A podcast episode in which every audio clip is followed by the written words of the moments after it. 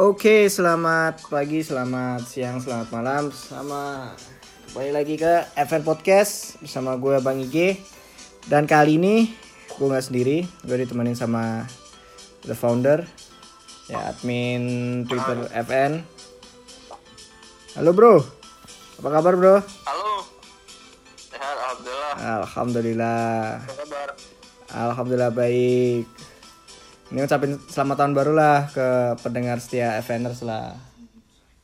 Oke, year buat semua pendengar podcast FN dan semua follower FN baik di Twitter, IG maupun di Line. Ais. Semoga makin membaik tahun 2019 ya. Ya, yang jomblo dapat pasangan gitu ya. Ya, amin. Amin gitu. Siapa itu? Banyak kali. Oke, kesempatan eh, kali ini kita mau ngomongin tentang ya pasti tentang Inter lah. Ya kan, cuma kali ini kita fokus mau eh, review review eh, setengah musim kemarin tim kesayangan kita yang selalu kalau pertandingan tiap pertandingan tuh bikin senam jantung ya nggak bro Iya, pastinya. Nah, itu dia. Kali ini di pertandingan terakhir kemarin kita menang 1-0 lawan lawan siapa sih? Empoli. Ah, Empoli 1-0. Mastiin kita posisi di tempat ketiga. Di bawah Juventus, Napoli, terus baru itu kita. Nah, kalau menurut The Founder nih, setengah musim kemarin Inter kayak gimana nih? Sampai pertandingan Oke, kita- Napoli terakhir. Oke. Inter setengah musim kemarin 2018-19 ya musim 2018 Yuk, kita mengawali musimnya buruk ya kalah ya. kita kalah iya kalah benar kalah kita kalah sama Sassuolo 1-2 di kandang di Meazza kita kalah di eh sorry kita kalah di 1-0. kandang sorry Heeh. Di kandangnya Sassuolo. Padahal kita baru beli beberapa pemain baru. Alasannya kebanyakan dari berita kita masih proses adaptasi. Ya alasan Politano yang baru Iya. iya Politano yang baru dibeli juga nggak begitu bagus waktu itu. Ya, kan masih masih percobaan bro. Adaptasi lah. Iya benar itu sih Kan katanya Inter tim besar. Skriniar di match pertama. Kita Hmm. mainkannya The Fridge sama sama Belanda Hmm. Skriniarnya jadi cadangan kalau nggak salah pelatih masih bingung tuh masih coba-coba itu Iya benar mesti coba-coba. Kita kalah 1-0, gol Berardi di menit 27 kalau nggak salah. Itu kelihatan sih kita mainnya nggak sesuai ekspektasi, nggak kayak malah lebih buruk dari musim kemarin. Awal musim itu lebih buruk dari akhir musim lalu. Yang mana permainan kita lebih baik karena waktu itu kita udah vlog kan ada ada benar Rafinha, benar Ah, ada Cancelo juga. Sekarang kita pakainya Dalbert di kiri. Waktu itu Dalbert juga masih naik turun performanya. terus gara-gara kekalahan kemarin juga para fans langsung pesimis kan bro aduh yang kayak bakal lolos apa mana nih? ya habis ke peta partai pertama nih lawan Sassuolo ya kan Iya mulai pada pesimis. wah, wah, udah mulai Ah, pecat-pecat iya padahal Spalletti cuma satu-satunya pelatih yang hmm bawa Inter kembali ke zona champion. Yoi. Maksudnya kita sedikit menghormati pencapaian beliau gitu. Ditambah kita di match day kedua itu kita imbang di Torino, eh, di Meazza sorry, kita Iya. imbang di Meazza. Padahal kita udah unggul 2-0 lebih dulu sebelum disamain dua sama. itu paling Masih, ah. sakit sih itu Iya, alasannya masih sama. Alasannya masih sama, adaptasi. hmm, masih coba-coba Masih coba-coba pemain. lanjut Kemudian ke- apa tuh? lanjut kita setelah partai pertama kedua eh, negatif lah ya. Udah kalah. Di kandang kita unggul dulu terus di comeback jadi dua sama. Diimbangin. Kan? Tapi kalau kita lihat di partai ketiga itu sebenarnya mulai nampak sih Inter. Kalau menurut gue sih Iya. waktu lawan Bologna. Kita menang telak 3-0 di tandang pula. Di kanan Bologna. Tapi setelahnya kita malah kalah di Meazza kalau nggak salah. Kita kalah sama Parma nah itu sih itu Nah, paling ini. itu Iya. gue lihat sendiri sih waktu itu sih matchnya sih. Gua- Iya. Parma baru masuk seri seri A ya kalau nggak salah ya. Dari seri D Iya kan. benar benar. terus habis itu dari seri B. nah itu dia kan. Pemainnya juga yang ngegolin kalau nggak salah pemain kita tuh. Iya di Marco. Dan selebrasinya agak emosional. Nah itu dia. Depan Arnold gitu emosional karena merasa dibuang kali ya? Kali mungkin. Tapi kan dia cuma dipinjamin tanpa ditebus. Iya sih. Bener sih. Iya. tapi saya malah gua, gua ngelihat kalau partai kontra Parma itu jadi pemicu Inter. Kok Inter bisa kalah sama tim yang baru aja degra eh, baru aja masuk ke Serie A kembali Hmm. gitu kan setelah berapa puluh berapa tahun gitu kan. Benar-benar akhirnya Inter setelah itu kan kita di Serie A menang terus. Yo. sekitar ada ada sekitar 7 match kita menang beruntun baik home dan away. Salah satunya menang paling Setelah- ini nih lawan AC Milan tuh. Ya kita menang di kawasan 9 Hmm. di kandang kita sendiri ya. Mm, kita setelah kalah lawan Parma kita sebenarnya statistik kita setelah kalah lawan Parma kita nggak pernah kalah. Bener.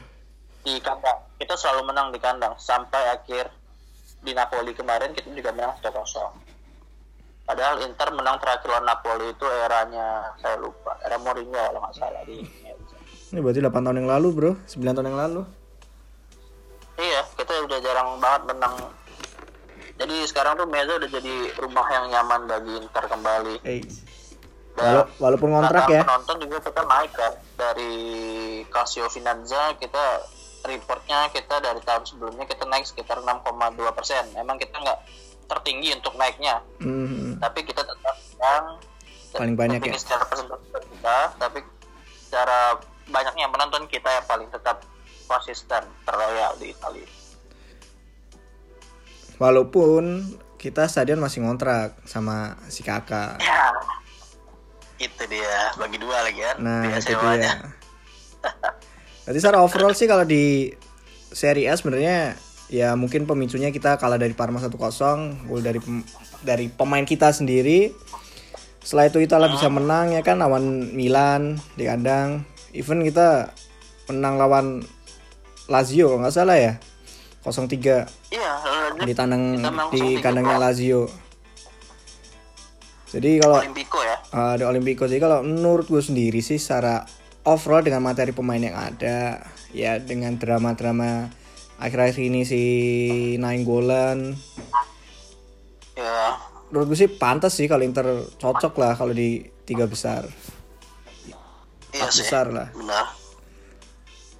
Tapi kita secara statistik kita jelek bro di kita jelek di tandang. Kita udah nggak sangar lagi di tandang. Tandang terakhir kita cuma menang di Empoli hmm, setelah kalah 4-1 dari Atalanta kita di dibantai 4-1 sama Atalanta hmm, kemudian kita imbang dua sama di Olimpico. Kemudian kita kalah 1-0 sama Juventus. Kemudian imbang paling ini kita imbang lawan Chievo. Oh itu sih. Partai paling sakit sih itu. Iya eh, di sana kita kelihatan banget kan kita apa sih itu after lawan PSV kalau nggak salah ya ya setelah PSV setelah setelah nggak lolos itu? Iya mungkin mentalnya belum balik lagi kali ya. Nah itu dia. Terus ditambah beberapa strategi Spalletti yang salah. Setelah kita imbang kebiasaan Spalletti sekarang kita justru bertahan bukan menyerang seperti layaknya Hmm. tim-tim gede besar gitu. yang sebenarnya bro gini bro. Sebenarnya yang gue sayangin Hmm. dari Inter tuh apa bro? Inter tuh mainnya beda kalau lawan Juventus, Napoli, Milan dia selalu bermain semangat oh berarti kalau lawan awal tim besar ya Iya. Iya kalau lawan tim besar lawan Barca lawan apa dia selalu semangat. Dari kulit dibunyiin sampai akhir kan. Hmm, hmm, hmm. Hmm. tapi kalau tim kecil mereka lebih kayak main aman Hmm. yang menurut gue itu harusnya intensitasnya sama kan sama-sama mau menang lawan tim kecil atau tim besar kita sama-sama tiga poin bro Itu berarti ngeremehin dong, Bro. Kalau menurut lo berarti kenapa? berarti kita ngeremehin tim-tim lain dong selain yang tim besar. Ngeremehin tim kecil lah. ya ya itu yang saya kalau gue lihat dari Inter sih Inter mental yang belum ada. Ya, tapi kan terbukti kalau mental juara kan Iya apa pun itu lawannya tetap all out. Tapi terbukti sih hasil jelek kita pasti melawan tim ya sorry tuh sih tim ya tim bawah lah. Lawan ya. Parma, Planta, ya kan hasil hasil negatif. iya Even C Benar, benar. Chievo Verona kita juga imbang. Itu kalau di Serie A, bener nggak? Jadi kalau Serie A iya kita tandang memang jelek. Tapi kalau lawan tim tim eh, besar, Juve, Milan, Lazio, even Napoli, kita justru bisa menang. Ya, iya ya itu kalau dibicara secara lokal musim ini, ya nggak? iya. Nah kalau Ini bro, misalnya, ada lagi bro. Yang Gimana? statistik yang harusnya banyak orang nggak nggak sadar ini. Ah, ada kalau gua runtut nih ah, dari 19 laga awal separuh musim awal hmm, kita di kandang dari 9 kita menang 7 imbang sekali kalah sekali. Kita kalahnya cuma sama Parma di kandang. Oke. imbang lawan Torino. Dan itu di awal musim semua. Selebihnya kita selalu menang. Dan 10 laga tandang kita menang 4 kali kalah dua kali dan tiga kali kalah. Hmm, dan saya kalau kalau kalau gua urutin ternyata dalam lima besar Juventus kita kalah di tandang. Ya, Napoli kita menang di kandang. Lazio kita kita menang di tandang. Hmm, Sampdoria kita menang di kandang hmm, lawan Milan kita menang di kandang dan Roma kita imbang di tandang di bener. Jadi- tandang. 19 match tersisa untuk lawan tujuh besarnya Serie A ini kita bakal lawan Juventus di kandang Napoli di tandang Lazio Sampdoria Roma di kandang dan Milan di tandang walaupun tandangnya juga di Sama. Sendiri jadi tujuh besar tersebut bro Hmm, kita hanya sekali tandang sebenarnya lawan Napoli. Dan ini kalau gue lihat sih positif sih. 19 musim awal 19 pertandingan ke depan. baru musim ini kita positif sebenarnya. Kalau kita bisa manfaatkan ke depannya kita bisa mungkin kita bisa geser Napoli di dua besar. Dan Iya, tanda kutip kita positif kita menang di kandang seluruhnya dan lawan tim-tim kecil kita juga nggak meremehin kayak 19 pertandingan awal. Iya sih. Mudah-mudahan aja sih bro. Asal nanti di Iya. asal di transfer nggak tiba-tiba Ikari dijual, ya nggak? waduh jual Januari ya Maka di atas Januari tiba-tiba Ikari dijual nangis loh. pada pro, pada nggak tahu deh gimana soalnya ada ada yang anti Icardi ada yang suka Icardi juga Nah ini banyak yang tanya nih. Beberapa pertandingan terakhir nih. Eh kalau kita lihat Icardi sering main ke belakang, ya nggak? Wah, Dia bukan lagi jadi target man lagi nih atau goal getter lagi kan? Lebih dia cenderung sampai ke belakang bahkan kalau nggak salah lawan lawan Empoli ya atau lawan Chievo kalau nggak salah dia sampai turun ke belakang ambil bola tarik lagi ke depan build up serangan. Nah ini kalau menurut lu gimana nih? Positif apa enggak nih? Kalau kalau gue mungkin ada beberapa yang oh, beberapa orang mungkin yang setuju suka dengan dia bermain Icardi kayak gitu. Mhm. tapi bagi gue sendiri gue gue nggak suka bro.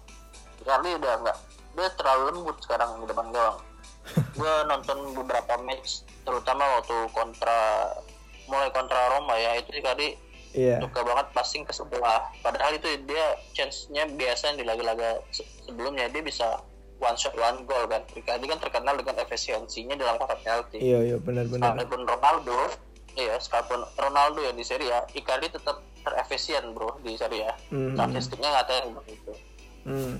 tapi dia sekarang lebih ke passing. Terus shootnya juga udah menurun. Udah nggak one shot one, one shot one goal lagi. Ini sih pengaruh pelatih. Iya, atau pengaruhnya dari Icardi sendiri? Keputusan Icardi sendiri kalau menurut lo? Pengaruh dari pelatih ya emang dari strateginya si Spalletti atau atau kayak gimana? Atau memang niatnya memang untuk menduetkan bareng Lautaro nih si El Toro? Kalau em, gini kalau gue pikir malah ini keinginannya Spalletti memang mungkin biar Icardi terbiasa main seperti Firmino mungkin kalau di Liverpool. Oke oke. Jadi dia lebih ya lebih mainnya terbuka. Tapi kalau Icardi dengan cara bermain gini kita harus punya sayap yang lincah harusnya. Sedangkan sayap kita sekarang lagi underperform. Sama Perisic di bawah performa. Mhm. kita belum nemuin performa terbaiknya kan? Sedangkan sisi sebelah kanan si Politano fisiknya belum mumpuni buat bermain full 90 Full. menit kalau bagi soalnya Iya. dia di atas 75 menit Politano lebih sering jalan kaki daripada Gary. Kalau diperhatiin. Iya sih bener benernya hmm. Tapi di waktu lawan terakhir lawan PSP apa dia minta diganti kalau nggak salah. Itu iya tuh partai-partai penentuan tuh. Iya benar. Kecuali kalau kiri kita ada mungkin ada siapa gitu ada Martial atau ada siapa. Wah Martial. Ntar ada yang marah lagi fansnya MU nggak mungkin bro. Fans MU nggak bakal ke Inter. Inter tuh siapa mereka belum tahu bro oke Oke, secara sekilas nih Inter di Liga Champions. Singkat aja. Pantes nggak Inter nggak lolos? ya Liga Champions oke Liga Champions Inter masuk salah satu grup raka Mhm. grup B ya kita masuk grup B Bareng di grup. B kita ketemu juara tiga Liga Inggris musim 2017-18 kita ketemu juara bertahan Liga Spanyol sama juara bertahan Liga Belanda. Kalau gue bilang sih Inter layak lolos. Cuman dengan gaya bermainnya dan beberapa anak baru di Champions League kan kita rata-rata anak baru tuh. Yang pengalaman di Champions League paling cuma beberapa orang doang. Si Rano dong. gue kira iya benar Anu juga Miranda juga ada sih bro sebenarnya Oh iya Miranda. ya Inter gue sakit hati sih gue kalau bilang lolos nggak lolos sebenarnya gue lebih sakit hati karena Barcelona nggak nurunin pemain intinya waktu Partai terakhir. sama Tottenham. Spurs lah partai terakhir iya mungkin kalau mereka nurunin pemain intinya mungkin bisa beda tapi gue lebih kesel lagi sama Inter kenapa nggak bisa menang lawan PSV Padahal itu di kandang ya kalau nggak salah ya. Iya benar di kandang. Gue nonton itu laga dan Inter beneran seperti kurang kreativitas di tengah. Gue bilang sih Icardi sendiri tuh belum cukup bagi lini depan Inter kalau Inter udah mau ke tahap selanjutnya ya. Mhm. Kecuali kalau kita mau cukup.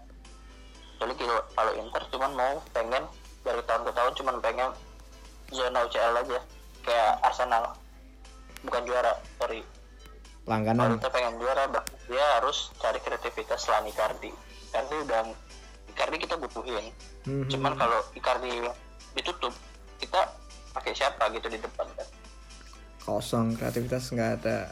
Iya.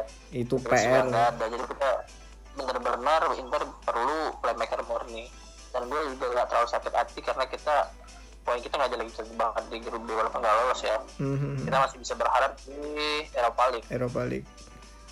Ya Eropa League nggak bisa diremehin loh bro. Saingannya ada Arsenal, ada Arsenal, ada Chelsea. Oke. Yang ngeri-ngeri juga di Eropa League. Sama Milan Ada ya? Napoli juga. Sama Milan ya? Kakak ikut kan? Iya ada Milan. Eh Milan gugur bro, sorry bro. Oh, Milan gugur kalah sama sama timnya Torre itu saya. Gue lupa nama timnya apa. Olympiakos apa ya? Oh, berarti Milan memang tidak ikut ya. Ya, ya Iya. kual dari kelihatan lah ya. Iya, kan Milan derby di final Eropa itu kayaknya hal yang fantastis tapi Iya. Aku juga pengennya derby tuh. Milan lawan Inter. Jadi gue prediksi lu nih di Eropa League Inter bakal melaju sejauh mana? kalau ba- kalau bagi gue ya kalau Ah. Internya serius kalau tetap mainkan pemain inti mungkin semifinal paling buruk kita semifinal gugur paling buruk tapi gue sih nggak berharap gue cuma nanti lulus saja di Europa League gak ada harapan apa apa gue sih harapan gue jujur tiga udah pernah gue share di Twitter Mhm. kita lolos Champions League tapi gue tahu itu bakal sulit Mhm. oke kita nggak lolos oke terus kita masuk zona champion lagi musim depan sama kita juara Coppa Italia Wah, juara Coppa Italia. Realistis, realistis gue musim ini sih itu tapi kalau karena kita Inter nggak lolos Champions League nih Oke, gue oke. masih Europa League gue letting lulus tapi gue pikir paling buruk Inter semifinal gugur paling buruk paling bagus mungkin juara Hmm. Oh, berarti targetnya tinggi juga ya. Enggak sih bro kalau kita lihat komposisi pemain udah harusnya kayak gitu Gue mikir malah paling kalau gue pribadi sih pikir paling perempat final lah. perempat final Europa League Iya, perempat final Europa League karena eh, awal musim itu PR lagi sih. Kalau kita lihat pertandingan-pertandingan awal, takutnya after break nanti masuknya pemain, kalau memang ada pemain masuk dan segala macamnya. Jadi kalau menurut gue sih kalau di Europa League kalau nggak juara kalau nggak juara ya perempat final.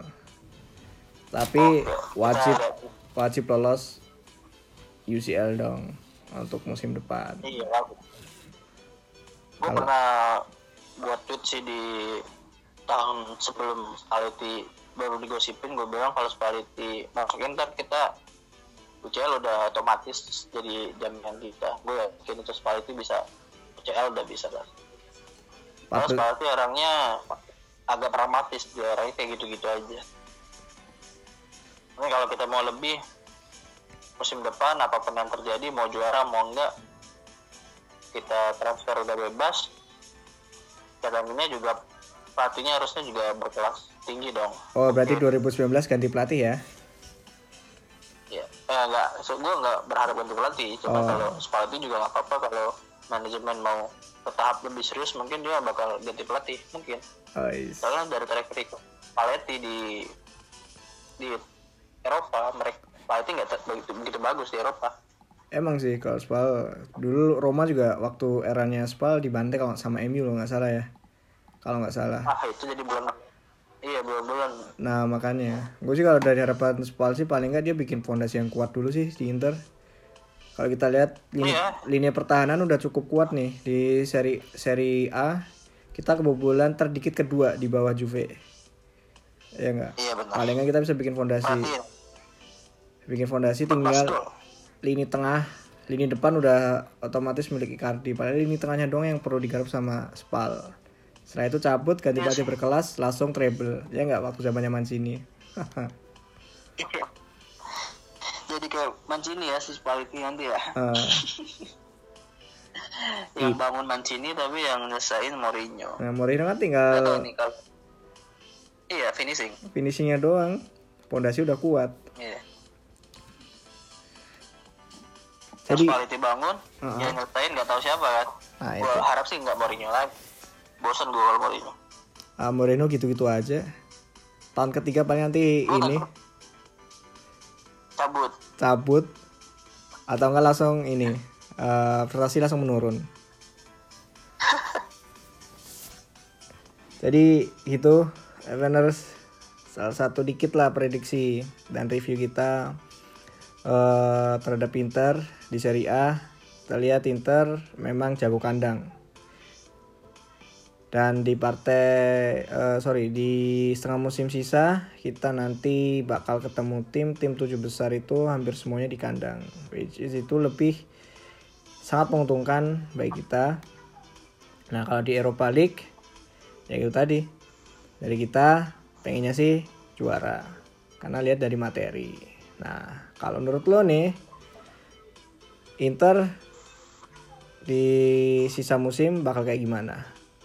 Apakah anjlok di Europa League tapi nanti bakal mengungguli Juventus? Kalau lu gimana sih? Bisa nggak sih Eh. mengungguli Juventus nih di di Eropa League atau Serie A nih di Serie A? oke kalau Serie A gue gue realistis gue kita di atas Napoli Wih di atas tapi Napoli. belum bisa iya kita di atas Napoli tapi belum bisa ngejar Juventus Juventus sudah terlalu kuat mungkin 2-3 tahun kita baru bisa ngejar Juventus atau Iyalah. Juventusnya yang nurun prestasinya Ya, dia berdoa aja bro. Ronaldo tiba-tiba cedera, absen setengah musim gitu. Waduh. Aduh, aduh, jangan doain dong. Gak seru nanti. Yang penting di atas 9 Itu kalau kata-kata teman-teman FN tuh. Oh gitu, itu sembilan ya. Iya, Pesan gue Inter terakhir di bawah Milan kapan ya? Gue lupa sampai. Ya sampai lupa kan kita kan. Gue lupa. Paling yang mereka banggain itu menangnya 1-0 Zapat eh, menang 1-0 terus Zapata gol di menit akhir. Iyo, iya. Itu mereka nggak pernah sombongin kemenangan. Nah, makanya. Oke, Veners. Mungkin dari kita eh, prediksinya sampai sejauh itu, tapi kita lihat sendiri ke depan eh, Inter bagaimana, akan kayak gimana, akan terus dengarkan di channel FN, entah itu di di Instagram, Twitter maupun di Line. Oh ya satu lagi nih tanggal 12 12 Januari ya nggak salah ya. Kita ada ada fun soccer di Taman Mini. Lo semua kalau mau ikutan eh, cek postingan di Instagram itu ada format dan segala macam kalian tinggal SMS, tinggal nama, underscore nomor HP, SMS ke CP kami, kontak person kami sama si Surya. Nanti kalian udah tinggal datang bayar 10.000 kalau nggak salah. Tinggal mau ketemu Mimin, datang aja. Lo ikutan nggak? Ikut dong. Wah, Insya tuh, tuh ikut kan? Jika Allah. Nah, the founder aja ikutan. Oke, sampai sini dulu Vendors. Thank you bro udah nemenin. Ya sama-sama bro. Wah, tahun baruan malah kita nge-podcast nih, ya enggak? Oh, Demi pendengar, demi Net- pen- ini produktivitas. Wasik, prioritas lebih tinggi. Oke. Jangan lupa ikuti terus Event Podcast. Eh, mungkin next episode kita akan kedatangan mimin-mimin yang lainnya. Oke, sampai jumpa kembali di Event Podcast. Oke.